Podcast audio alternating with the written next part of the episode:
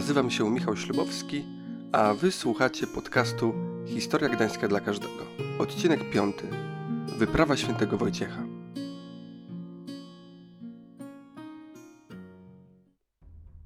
W kwietniu 997 roku do ogrodu gdańskiego nadpłynęła łódź, w której znajdowali się wojowie Bolesława Chrobrego oraz Wojciech, biskup misjonarz. Towarzyszyła mu garstka kompanów. Kiedy kapłan zbliżał się do celu swojej podróży, w jego głowie musiało kotować się wiele myśli. Czy był przekonany o pewnym sukcesie swojej misji? Czy może przeczuwał, jaki makabryczny finał będzie miała jego wyprawa? A może po prostu bał się, że nie jest w stanie podołać zadaniu, które przed sobą postawił. W Gdańsku Wojciech znalazł się między 8 a 11 kwietnia. Przywitał go zapewne książęcy namiestnik. Kilka lat później dziejopis, który spisał żywot Wojciecha, zanotuje. On zaś przybył najpierw do miasta Gdańska, położonego na skraju rozległego państwa tego księcia i dotykającego brzegu morza. Tu, gdy miłosierny Bóg błogosławił jego przybyciu, gromady ludu przyjmowały chrzest. Tu także, odprawiając obrzędy mszalne, ojcu ofiarował Chrystusa, któremu za kilka dni siebie samego miał złożyć w ofierze. Cokolwiek zaś pozostało z tego, co w komunii przyjął sam i nowo ochrzczeni, kazał zabrać i owinąwszy w czyściutkie płótno, zachował dla siebie jako wiatyk. Jednak zanim bliżej przyjrzymy się tym kilku dniom spędzonym w Gdańsku i słynnemu cytatowi z żywota Wojciecha, musimy prześledzić, jak doszło do tego, że biskup znalazł się na brzegu Bałtyku.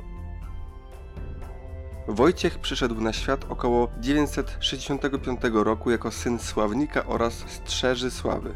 Książę Sławnik, pan na Libicach, był potężnym czeskim możnowładcą, którego ród rywalizował o wpływy z panującym rodem Przemyślidów. Wojciech był jednym z najmłodszych synów Sławnika. Z przyszłym świętym swoje losy na stałe związał jeszcze jeden z nich, jego przyrodni brat Radzim. Kiedy był niemowlęciem, Wojciecha zmogła tajemnicza choroba, której objawem był wzdęty brzuch. Zrozpaczeni rodzice zanieśli go do kościoła i tam, położywszy go na ołtarzu, prosili Boga o wybawienie jego syna, obiecując przeznaczenie go do stanu duchownego. Chłopiec wyzdrowiał, a sławnik pozostał wierny złożonej obietnicy i najpierw oddał syna na naukę do lokalnych duchownych, a później, gdy osiągnął stosowny wiek, wysłał go na studia do Magdeburga w Saksonii. W tamtym czasie to miasto przeżywało swój rozkwit. Magdeburg był oczkiem w głowie cesarza Ottona I, który traktował je jako swoją rezydencję. Tam zresztą po swojej śmierci został pochowany, podobnie jak jego żona, Edyta Angielska. Jeżeli spojrzymy na dzisiejszą mapę Niemiec, Magdeburg znajduje się ponad 200 km od granicy z Polską. Jednak w X wieku miasto znajdowało się blisko granicy cesarstwa z terytoriami Słowian Połapskich. Młode arcybiskupstwo w Magdeburgu było kluczowym ośrodkiem wielkiej kampanii nawracania Słowian zachodnich na chrześcijaństwo oraz podporządkowywaniu ich władzy cesarza. Kiedy Wojciech przybył do miasta, arcybiskupem był Adalbert, który w przeszłości prowadził nieudaną akcję chrystianizacyjną na Rusi. Adalbert osobiście poznał Sławnika podczas swojego pobytu w Libicach, dlatego od początku otoczył jego syna swoją opieką. Kolejne lata nastolatek spędził na nauce, słuchając godzinami łacińskich wykładów poświęconych gramatyce, retoryce, dialektyce, arytmetyce, geometrii, muzyce oraz astronomii. Podczas sakramentu bierzmowania Wojciech, chcąc uhonorować swojego możnego opiekuna, przyjął imię Adalberta, od tej pory niesłowiańscy Europejczycy pod tym właśnie imieniem będą określać Wojciecha. Późniejsi dziejopisowie, nakreślając tamte lata przyszłego męczennika, skupiali się na jego pobożności, ale opisywali również pokusy, które czyhały na niego w wielkim mieście. Według jego towarzyszy, którzy później przekazywali swoje informacje pisarzowi, który był autorem pierwszego żywota świętego, chłopak zamiast studenckich zabaw i wybryków wybierał modlitwę oraz naukę. Jednak Brunon z Kwerfurtu, który spisał żywot świętego Wojciecha na początku XI wieku, już nieco oddala się od tej idealnej sylwetki. Według mnicha nastolatek, cytuję, jak każdy człowiek lgnął do ziemskich uciech, miał czas na chłopięce figle, łakomiąc się na jedzenie i picie, jak zwierzę schylał twarz ku ziemi i nie umiał spojrzeć prosto w niebo. Osobiście zdecydowanie wolę opis Brunona, który według mnie bardziej odpowiada prawdzie. Nastolatek jest nastolatkiem bez względu na to, w jakiej epoce przyszło mu dojrzewać. Studia Wojciecha przerwała śmierć arcybiskupa Adalberta. Młodzieniec opuścił Magdeburg i udał się do Pragi, gdzie otrzymał święcenia kapłańskie. Miał wówczas 24 lata. Już trzy lata później został biskupem tego miasta, jednak na skutek konfliktu z mieszkańcami, z których wielu trwało przy obyczajach swoich przodków, takich jak wielożeństwo, Wojciech udał się do Rzymu. Tak twierdzili dziejopisowie. Wydaje się jednak, że innym czynnikiem mogło być również zaognienie się konfliktu pomiędzy rodem Sławnikowiców a księciem czeskim Bolesławem II oraz polityka tego ostatniego. Tak czy inaczej, Wojciech znalazł się w stolicy chrześcijańskiego świata. Tam zaczął planować pielgrzymkę do Ziemi Świętej, jednak do wyprawy w końcu nie doszło. A pieniądze, które cesarzowa Teofano podarowała Radzimowi na ten cel, Wojciech rozdał ubogim. Zamiast do Jerozolimy, Wojciech i jego towarzysze dotarli do słynnego klasztoru na Monte Cassino, gdzie nie spędził jednak dużo czasu. Grecki mnich Nil namówił Wojciecha do porzucenia pielgrzymki i do wstąpienia do klasztoru benedyktynów na Awentynie pod wezwaniem świętego Bonifacego i Aleksego.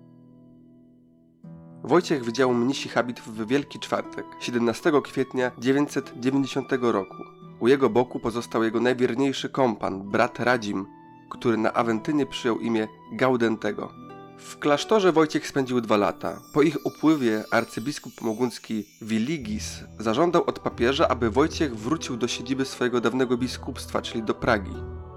Możliwe, że swój interes miał w tym powrocie również książę czeski Bolesław, który widział w Wojciechu osobę, która mogła stać się narzędziem jego polityki wymierzonej przeciwko rodowi Sławnikowiców.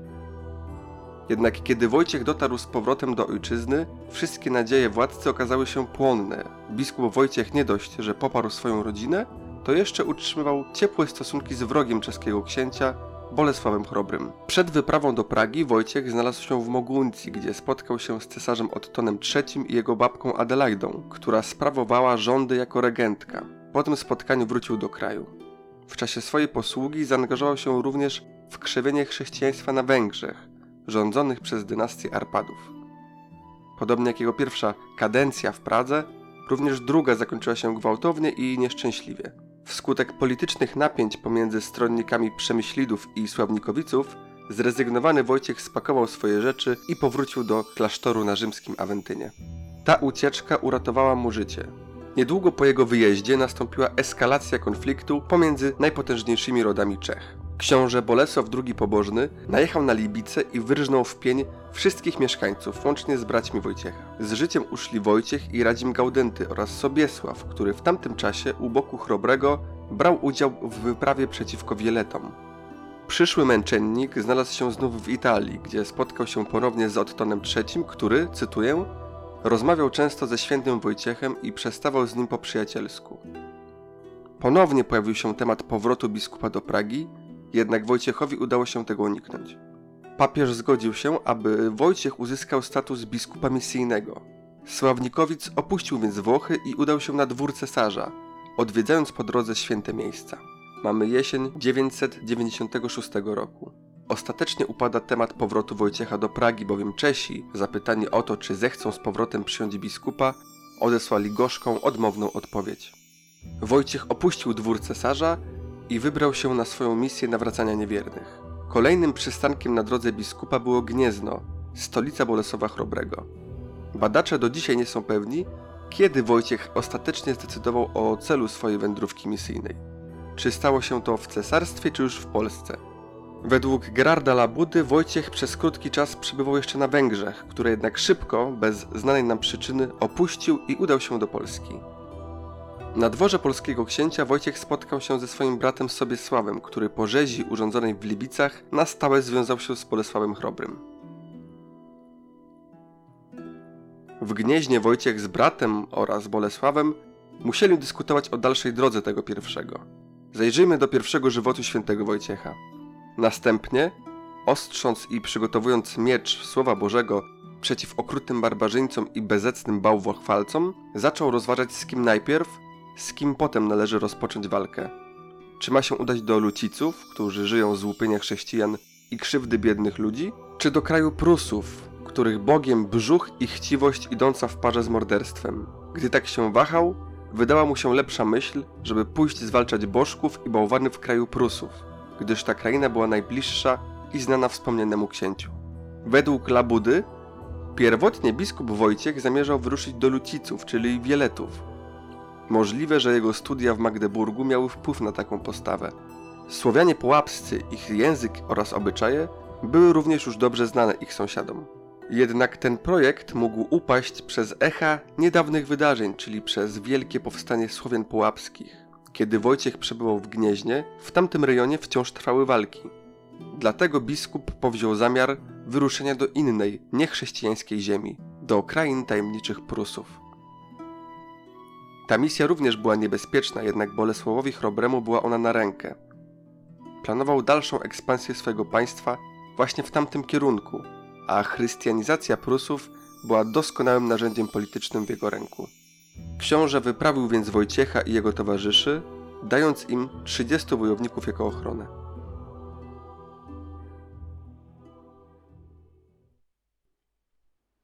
Większość badaczy przyjmuje, że Wojciech dotarł do brzegów Wisły, a stamtąd łodzią wyprawił się w stronę Gdańska. Przypomnę słowa autora pierwszego żywota świętego Wojciecha. On zaś przybył najpierw do miasta Gdańska, położonego na skraju rozległego państwa tego księcia i dotykającego brzegu morza. Tu, gdy miłosierny Bóg błogosławił jego przybyciu, gromady ludu przyjmowały chrzest. To pierwsza w historii pisemna wzmianka o mieście. Pojawiło się ono w łacińskim zapisie Urbs Gdydanist, miasto Gdańsk. Przyjrzyjmy się bliżej tej relacji. Bazując na tym zapisie, w przeszłości badacze widzieli w Gdańsku z 997 roku duży ośrodek protomiejski. Jednak jak mogliście usłyszeć w poprzednich odcinkach, najprawdopodobniej nie było to zgodne z rzeczywistością. Dlaczego więc żywociarz określił Gdańsk mianem miasta? Błażej Śliwiński argumentuje, że określenie Urbs miało podkreślić ważną rolę w opowieści o życiu świętego Wojciecha. Ostatni przystanek przed wyprawą do Prus i symboliczny akt chrztu grupy Pomorzan. Jednak, co muszę ponownie podkreślić, nie możemy tego stwierdzić jednoznacznie.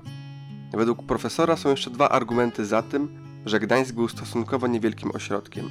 Krótki pobyt biskupa w Grodzie oraz fakt, że kolejna pisemna wzmianka o Gdańsku powstała dopiero 150 lat później. Jeżeli chodzi o sam chrzest, tego wydarzenia nie możemy identyfikować z jakimś chrztem Gdańska. Ten ośrodek już od jakiegoś czasu znajdował się w granicach państwa Piastów, więc to mało prawdopodobne, aby jego chrześcijańscy władcy nie czynili żadnych kroków w stronę konwersji mieszkańców Gdańska. Gerard Labuda określa datę chrztu grupy mieszkańców na 11 kwietnia, wtedy wypadała niedziela. Według Śliwińskiego Wojciech ochrzcił katechumenów, czyli ludzi, którzy już wcześniej przygotowali się do chrztu. Sam rytuał mógł odbyć się w osadzie funkcjonującej nieopodal grodu. Zgodnie z tą interpretacją, przybycie Wojciecha uświetniło uroczystość, która odbyłaby się nawet bez jego udziału. Jak już wspomniałem, niektórzy badacze na podstawie późniejszej legendy przyjmowali, że Wojciecha w Gdańsku przywitał jakiś nieznany z imienia lokalny książę, mający związki rodzinne z Piastami. Jednak wydaje się, że ten przekaz należy pozostawić w sferze legend. Biskup Wojciech opuścił Gdańsk niedługo po 11 kwietnia. Być może przed wyprawą misjonarz wypytał lokalnych pomorzan o obyczaje, język i zwyczaje Prusów. Koniec końców, Gdańsk znajdował się w bliskiej odległości, zaledwie kilkadziesiąt kilometrów, od granicy państwa gnieźnieńskiego i plemion pruskich.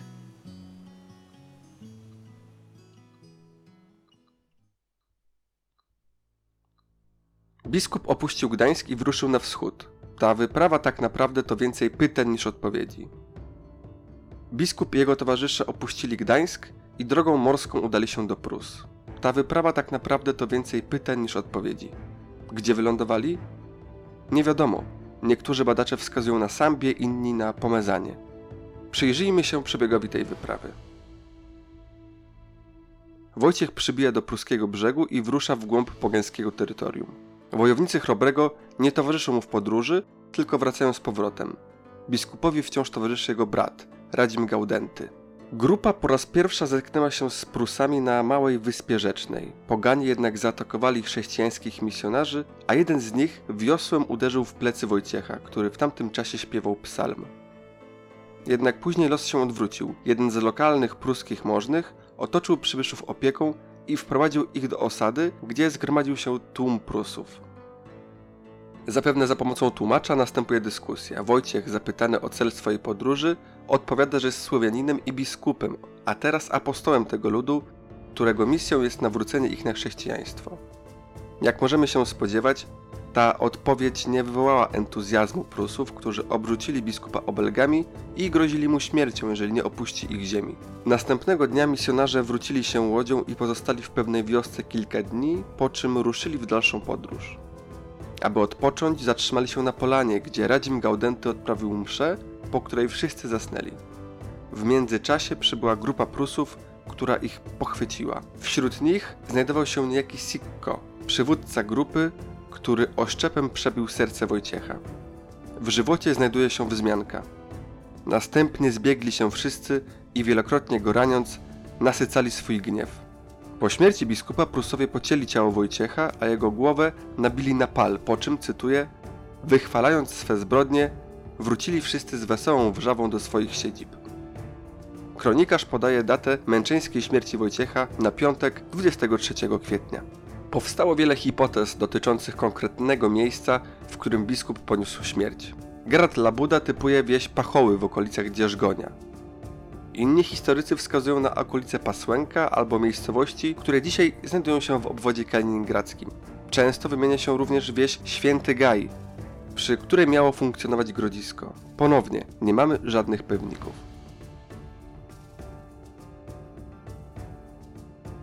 Szybko po śmierci biskupa wokół jego osoby powstał kult.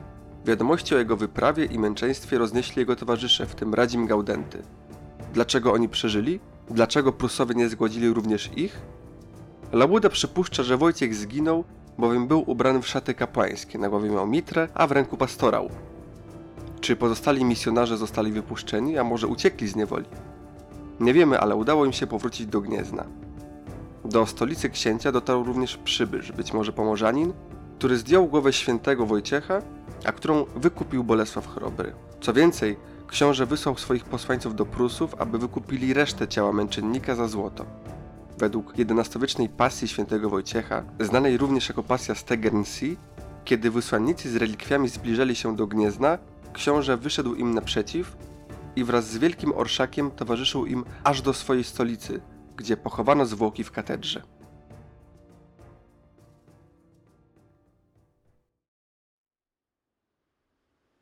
Chociaż krótka wyprawa Wojciecha do Prus zakończyła się pełnym niepowodzeniem, jej następstwa były bardzo duże.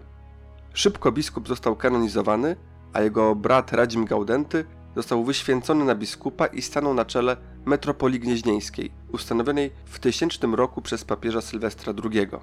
W tym samym roku do grobu świętego Wojciecha pielgrzymował cesarz Otton III, który otrzymał od księcia Bolesława relikwiarz z ręką męczennika.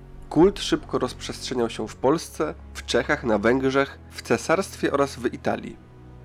Chrobry jako zręczny polityk wykorzystał śmierć Wojciecha.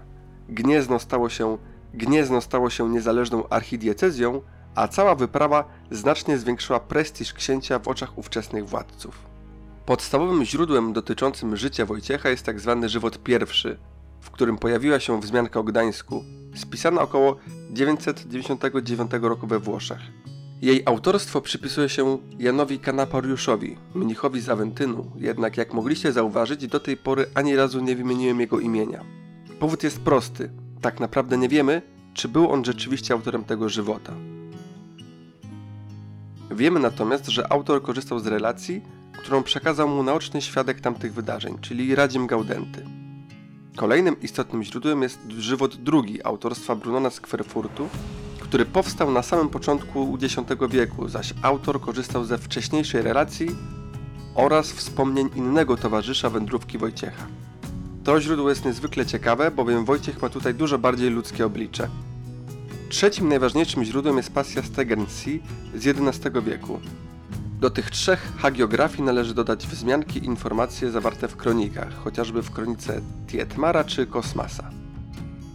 Na końcu odcinka wrócimy do Gdańska. Niektórzy słuchacze z pewnością kojarzą dawną osadę Święty Wojciech, która dzisiaj znajduje się w granicach miasta. W języku niemieckim nazywała się Sankt Albrecht. Dzisiaj jest to niezwykle urokliwe miejsce położone nad kanałem Raduni.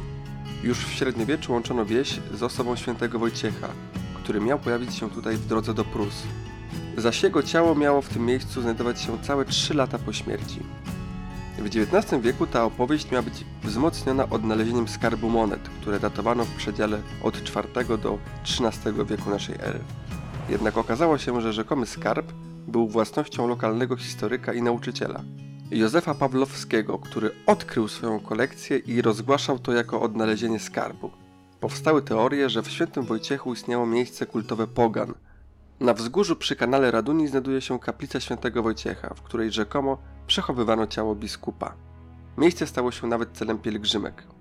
Jednak cała ta tradycja nie ma żadnego poparcia w źródłach historycznych. Według Śliwińskiego wieś została założona na przełomie XII i XIII wieku, a jej nazwa pochodziła od wezwania kościoła, który w niej powstał. Osadę założono przy dawnym trakcie handlowym. Jednak bez względu na to jest to naprawdę piękne miejsce, położone nad wodami kanału, z pięknym kościołem świętego Wojciecha, którego fragmenty pamiętają średniowiecze, oraz z ceglaną kaplicą świętego Wojciecha na pobliskim wzgórzu, pochodzącą z późnego średniowiecza. Na zboczu wzgórza znajduje się również figura świętego Wojciecha z XVIII wieku. Co więcej, w kaplicy od lat 50. ubiegłego wieku rzeczywiście znajdują się relikwie biskupa, przywiezione tutaj z klasztoru wizytek w Warszawie. Najprzyjemniej dostać się tutaj rowerem, jadąc ścieżką rowerową z centrum miasta. Dzisiaj w przestrzeni miejskiej znajdziemy dużo więcej tropów prowadzących do osoby świętego Wojciecha. Dawny szlak handlowy prowadzący do Gdańska, w miejscu którego dzisiaj znajduje się główna droga prowadząca do miasta od południa, od 1998 roku nosi nazwę Traktu Świętego Wojciecha. W 2000 roku na Starym Przedmieściu odsłonięto pomnik męczennika, który 6 lat później został przeniesiony przy wjeździe do Gdańska. Szpital na Zaspie w 1997 roku zyskał nazwę Szpitala Specjalistycznego imienia Świętego Wojciecha Adalberta, a swoją ulicę w Oliwie ma Jan Kanapariusz, domniemany autor żywota pierwszego.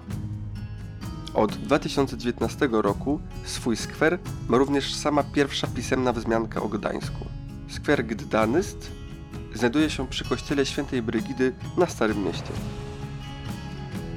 Z kolei w katedrze oliwskiej jest fragment kości przedramienia biskupa, złożony w relikwiarzu, który jest kopią słynnego XVII-wiecznego dzieła gdańskiego zwodnika Petera von den Renena, który wykonał je na zamówienie biskupa gnieźnieńskiego. Inne relikwie znajdują się w Świbnie, gdzie kościołowi pod wezwaniem świętego Wojciecha przysługuje tytuł Sanktuarium Milenijnego. Wizyta świętego Wojciecha w Gdańsku to przede wszystkim pierwsza pisemna wzmianka o naszym mieście. Jednak kolejna pojawiła się dopiero 150 lat później. W kolejnych odcinkach zobaczymy, z jakim trudem chrześcijaństwo zakorzeniało się na północy i jak pomorzanie próbowali zrzucić zwierzchnictwo piastów. Jednak zanim skończymy, chciałbym poruszyć jeszcze jedną kwestię. Ostatnie odcinki poświęcone najstarszemu Gdańskowi oraz piastowskiemu podbowie Pomorza wywołały wiele komentarzy. Dużo osób pisało, że najstarszego grodu należy poszukiwać poza Górą Gradową, albo że etymologia nazwy Gdańsk jest inna. Być może. Tak naprawdę pierwsze wieki istnienia Gdańska to wciąż więcej pytań niż odpowiedzi. Dysponujemy niewielką ilością źródeł pisanych, więc musimy posiłkować się wynikami badań archeologicznych, które jednak są jedynie częścią układanki. Dlatego wśród badaczy od dziesięcioleci prowadzone są dyskusje na temat wczesnośredniowiecznego Gdańska, a kolejne lata przynoszą kolejne teorie oraz hipotezy. Jedno jest pewne, tak naprawdę mamy bardzo mało pewników, jeżeli chodzi o najdawniejszą przeszłość miasta. W tym podcaście chcę nakreślić ponad tysiącletnią historię Gdańska, dlatego pewne uproszczenia będą niezbędne dla płynnej narracji i chronologii. Będę jednak starał się zaznaczać niewiadome, a w przypadku kilku koncepcji wyjaśnię, czemu opowiedziałem się za konkretną wizją przeszłości Gdańska. Kilka lat po opublikowaniu książki profesora Śliwińskiego, na której oparłem wizję najstarszego Gdańska, pojawił się polemiczny artykuł archeologa Sławomira Wadyla, opublikowany w roczniku Pomerania Antiqua. Kolejny odcinek będzie krótkim spojrzeniem archeologa na poruszone kwestie, zwłaszcza, że dr Wadyl zgodził się odpowiedzieć na kilka pytań dotyczących tej sprawy. Jeżeli macie jakieś pytania, uwagi bądź zażalenia, możecie pisać do mnie na adres mailowy. Wszystkie informacje dotyczące podcastu, transkrypcje odcinków, kontakt, materiały ikonograficzne znajdziecie na stronie gedanarium.pl w zakładce Historia Gdańska dla każdego.